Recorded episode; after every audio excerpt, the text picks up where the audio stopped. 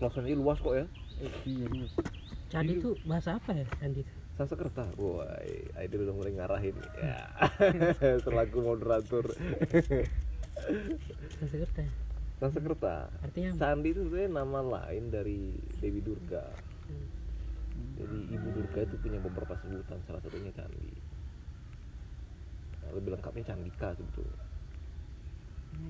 Entah sejak kapan peristilahan candi ini dipergunakan untuk merujuk pada bangunan ini sarana peribadatan, tapi dulu orang nggak pernah menggunakan istilah candi.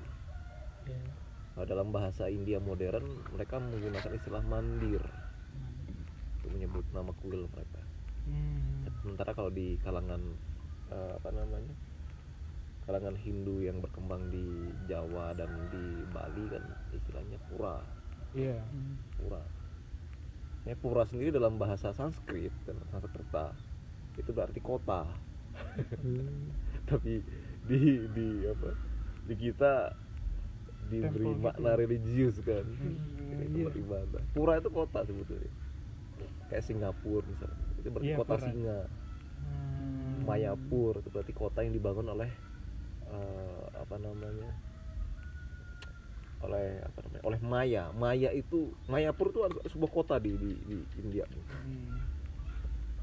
jadi Mayapur itu konon gitu ya sebuah kota yang didirikan dirancang oleh Maya Maya itu arsiteknya para eh, para asura Hmm. ya kan dalam dalam dalam apa mitologi India kuno itu eh, apa namanya kehidupan ini kehidupan kehidupan alam itu terbagi menjadi dua kan sura dan asura Hmm.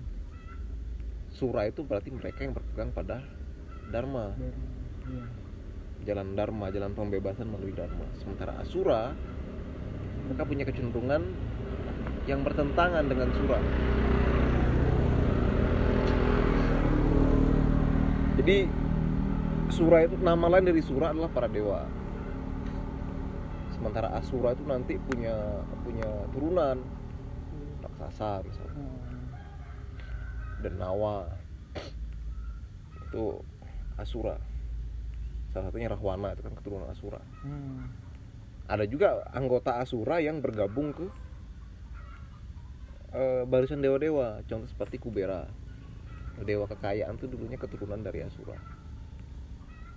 Nah masing-masing pihak ini baik pihak dewa maupun asura punya arsiteknya Hmm. Arsiteknya para dewa disebut Wiswakarma. Itu beliau ini yang merancang apa namanya?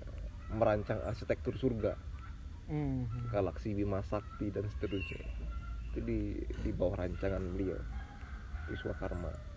Sementara para asura juga punya arsitek namanya Maya. Itu Mayapur. Mayapur berarti kotanya Maya. Iya.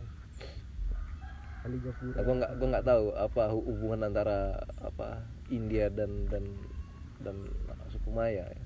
Hmm. Dan istilah Maya sendiri sebetulnya itu khas Sanskerta Maya itu artinya ilusi Hmm. Jadi contohnya maksudnya kayak di negara-negara lain tuh mereka mereka punya candi gitu nggak bang?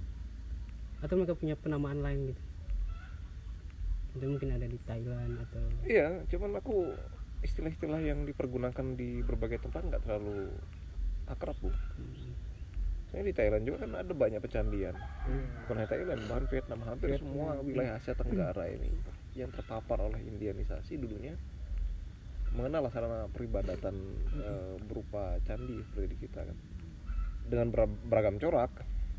Hmm. kalau nggak corak Hindu ya corak Buddha kan corak Hindu pun rata-rata yang paling banyak itu eh, berciri-ciri siwa ditandai dengan adanya lingga. Nah ini kan candi yang unik sebenarnya candi Barong ini. Salah satu mungkin satu-satunya candi non siwa dari dari dari Hindu yang yang didirikan di daerah eh, Jawa. Karena kebanyakan candi yang didirikan secara mandiri itu ditujukan untuk pemujaan dewa siwa. Nah ini satu-satunya candi Wisnu sebetulnya di di Jogja. Mungkin di Jawa barangkali. Yang ditemukan. Iya iya. Kita nggak tahu. Candi Wisnu. Apa bedanya Candi Wisnu sama Candi Siwa? Kalau Candi Siwa kan ditujukan untuk pemujaan Dewa Siwa. Hmm. sementara Candi Wisnu ditujukan untuk memuja Dewa Wisnu kan. Jadi dalam apa namanya di, di dalam uh, keyakinan masyarakat Hindu itu Wisnu ini kan dewa kehidupan Hmm. dewa pemelihara pelindung alam semesta Hmm. makanya dia identik dengan Wisnu ini identik dengan dengan kesejahteraan pertanian kesuburan stabilitas Hmm. nah pemujanya yang paling masyur di masa Jawa klasik itu bernama Erlangga. Erlangga beserta keturunannya. Mereka memuja Wisnu yang terakhir Kertajaya yang di yang dikudeta oleh Ken Arok tuh. Nah sejak Arok lah berdiri dinasti Siwa Buddha. Siwa Buddha karena Arok dulunya kan pernah berguru ke Hmm. beberapa pandita tuh. Iya iya. Guru pertamanya Bapak Tantripala itu seorang Buddhis Iya. Kemudian beliau berguru pada Dahyang Logawe di situlah Arok mulai berkenalan dengan ide-ide Siwaisme Hmm. tapi eh, para pemuja Wisnu pun masih di- diberi hak untuk apa mengembangkan ajarannya walaupun tidak tidak tidak berkembang luas Iya, iya. tidak seleluasa di masa kediri Ya, kalau coba teman-teman baca bukunya eh, novelnya Pram berjudul Arok Dedes itu kan itu kan berkisah tentang gesekan antara beberapa pe- pemeluk agama Ah. dan Siwa digambarkan oleh Pram sebagai kelompok agama yang tersubordinasi selama bertahun-tahun setelah eh, pasca keruntuhan dinasti eh, apa namanya Medang Erlangga. dinasti Isyana sorry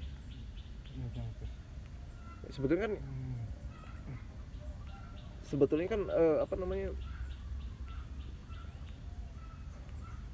pengaruh Hindu yang pertama kali masuk ke Jawa itu kan yang yang terdata ya itu pengaruh Siwa sebetulnya itu lingga tertuanya ada di Magelang bu Hmm. di kawasan Gunung Wukir kalau nggak salah. Hmm. makanya kalau teman-teman searching di Google itu ada istilah Candi Gunung Wukir atau Candi Wukir Hmm. Sebetulnya itu lingga. Itu monumen itu tempat ibadah sekaligus monumen kemenangan dari Ratu Sanjaya Nah, beliau inilah foundingnya founding fathernya Mataram kuno. Setelah berhasil menyatukan eh, apa namanya masyarakat yang ada di sekitar kawasan eh, Jawa Tengah bagian selatan hanya beliau mendeklarasikan berdirinya sebuah kerajaan baru yang terpisah dari Hmm. kerajaan yang ada di latar Pasundan dan kerajaan Kalingga yang ada di Jawa bagian utara Iya. terpisah umumnya kan dari dulu eh, raja-raja Hindu itu banyak memerintah di kawasan pesisir utara. Iya, iya. Nah, Mataram ini bentuk bentuk terobosan Iya, iya, di tengah-tengah. karena dia mulai masuk ke ke pedalaman kan. Hmm. mengandalkan sektor agraris untuk tumpuan hidupnya nggak tahu kenapa mungkin karena terdesak oleh Sriwijaya kita nggak tahu ya Hmm. Karena bersama dengan itu kan eh, Sriwijaya tumbuh Iya. nah sejak itulah jadi eh, dinasti yang didirikan oleh Ratu Sanjaya inilah yang banyak sekali membangun candi-candi Ah. di Jawa terutama Jawa bagian selatan atau sebagian ada di Jawa bagian utara.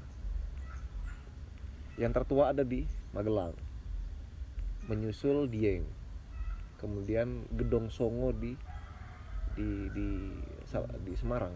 Hmm. Gedong Songo itu di, di di Jawa Tengah di di daerah Semarang, Semarang Ambarawa dan sekitarnya itu.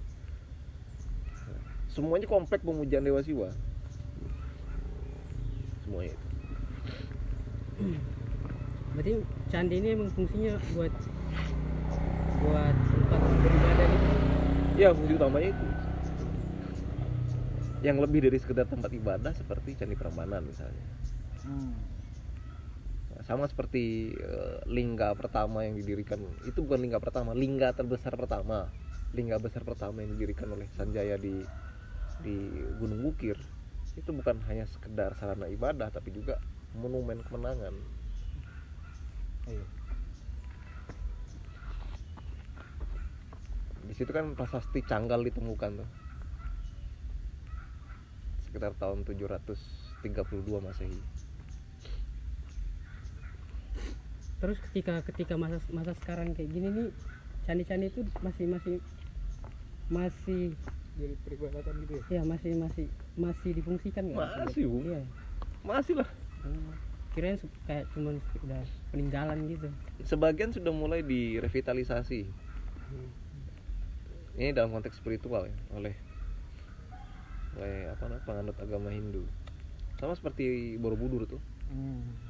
mulai difungsikan sebagai sarana ibadah terutama di hari Waisak. Kalau Prambanan itu biasanya di di apa namanya difungsikan untuk tempat ibadah pada saat Taur Agung Kesange itu rangkaian peringatan hari raya Nyepi di kalangan umat umat Hindu masih bu Terus tau juga apa sih namanya selain candi itu sebagai tempat ibadah, candi juga tuh ada yang jadi makam kan nggak salah tuh. Misalnya penempatan abu abu jenazah di dalam di bawahnya tuh. Ada teori yang menyebut begitu Iya. terutama untuk candi-candi yang didirikan oleh dinasti Rajasa. Hmm. Jadi tradisi menjadikan candi sebagai tempat penyimpanan abu dan sebagainya itu konon konon karena ini perlu pembuktian lebih lanjut tuh Iya.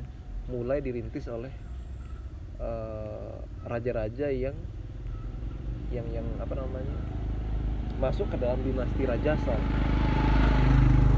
Dinasti Rajasa itu didirikan Ken Arok. Hmm. Eh dinasti Rajasa ini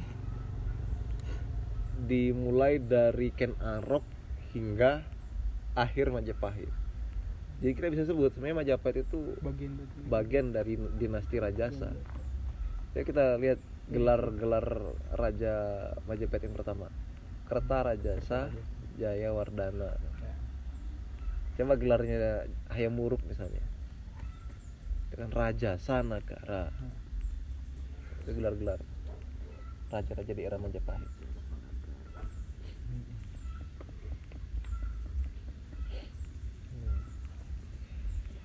Kayaknya waktu SMA tuh ada ada teorinya gitu loh dijelasin sama dosen itu bahwa itu di dalam di bawah kayak tempat pemujaannya gitu kan kayak Linggayoni di bawahnya tuh ada abu disimpan Gitu. abu abu tetua Iya, abu yang ini tergantung raja atau ratu gitu tergantung orang-orang masyur kadang juga guru-gurunya brahminnya gitu simpen di bawah gitu Tapi kalau sepengetahuanku sih hmm. Itu hanya berlaku dan ini pun perlu pembuktian ya. Hmm. Apakah itu hanya simbolitas, lambang atau memang dipraktikkan secara khusus karena memang dalam tradisi Siwa- trad- tradisi Siwa tidak dikenal istilah eh, menyimpan abu, Abu. di, di di kuil atau di Iya. di tempat ibadah. ditebar kan Mm-mm. Nah ini kan mulai masuk lagi unsur-unsur asli Austronesia hmm. yang yang yang yang berorientasi pada pemujaan nenek moyang kan. iya iya Nah ada kemungkinan ini ada kemungkinan eh, dinasti Rajasa ini mulai me- menghidupkan kembali keyakinan tradisionalnya gitu. hmm. dengan cara memadukannya dengan unsur-unsur Hindu dan Buddha. Makanya muncul praktek pemujaan terhadap eh, apa nenek moyang gitu. Kemungkinan. Jadi eh, apa namanya untuk untuk menghormati figur sentral tertentu didirikanlah monumen peringatan berupa candi. Iya. jadi praktis hampir semua candi yang yang yang didirikan di daerah Jawa bagian timur yang ada dalam lingkungan dinasti Rajasa itu semuanya ditujukan kepada raja tertentu ada arca yang di di apa di dipahat untuk mengenang Diah Gayatri Raja Patni misalnya. Penggambarannya lewat figur pratsnya Paramita Dewi Dewi eh, kebijaksanaan dalam tradisi Buddhis